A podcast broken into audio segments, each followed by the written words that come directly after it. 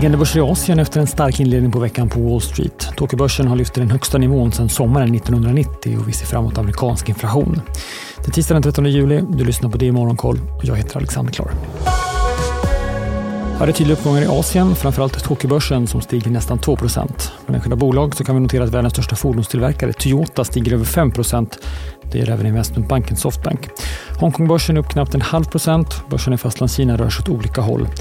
Den kinesiska centralbanken har sänkt sin korta ränta från 2% ner till 1,9 procent. En sänkning var inte helt oväntat och marknaden spekulerat i att centralbanken ska lätta på penningpolitiken.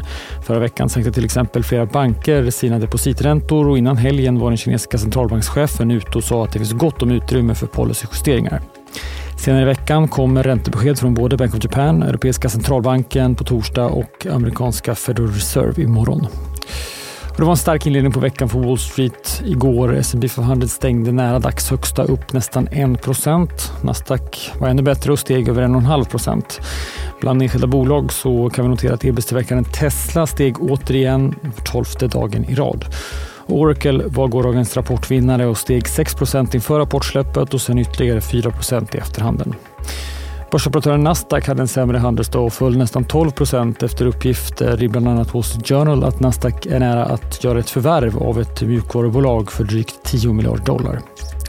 Täcket med Microsofts köp av spelbolaget Activision Blizzard stöter på nya hinder. Nu ska den amerikanska konkurrensmyndigheten FTC försöka bryta avtalet genom att lämna in en stämningsansökan i en federal domstol.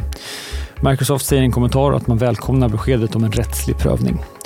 Microsoft vill köpa Activision Blizzard för 69 miljarder dollar. Sveriges försäljningen för klädhandeln ökade med knappt 4% i maj jämfört med samma månad i fjol. Det här visar siffror från Svensk Handel.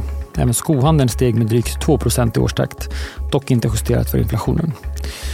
Under natten utbröt en brand i Rönnskärsverken i Skellefteåhamn där Boliden har en del av sin smältverksverksamhet. Brandens omfattning och eventuell skada är okänd i nuläget.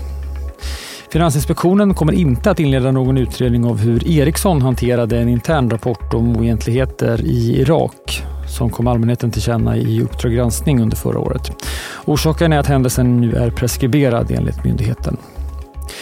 Huvudnumret på dagens agenda är amerikansk inflation. Den väntas sjunka i mätningen för maj månad som släpps klockan halv tre idag. I årstakt väntas inflationen sjunka till 4,1 procent från 4,9 procent i april. Även den högre kärninflationen tros sjunka från 5,5 procent senast till 5,3 procent nu. Vi får också en del definitiv inflationsdata från europeiskt håll under förmiddagen och så tyskt SEV-index som mäter investerares uppfattning kring nuläget och utsikterna för ekonomin. Missa inte heller Börsmorgon med start kvart i nio som vanligt eller lyssna på programmet som en podd. Vi släpper det klockan 11. Det är Morgonkoll. Jag är tillbaka igen imorgon. Vi hörs då. Jag heter Alexander Klar.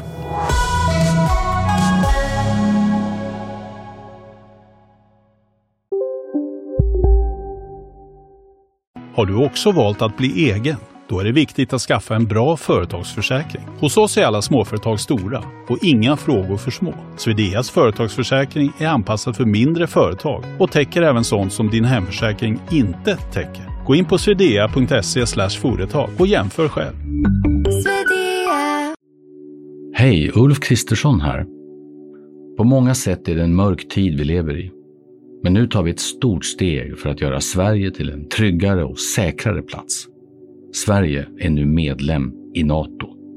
En för alla, alla för en.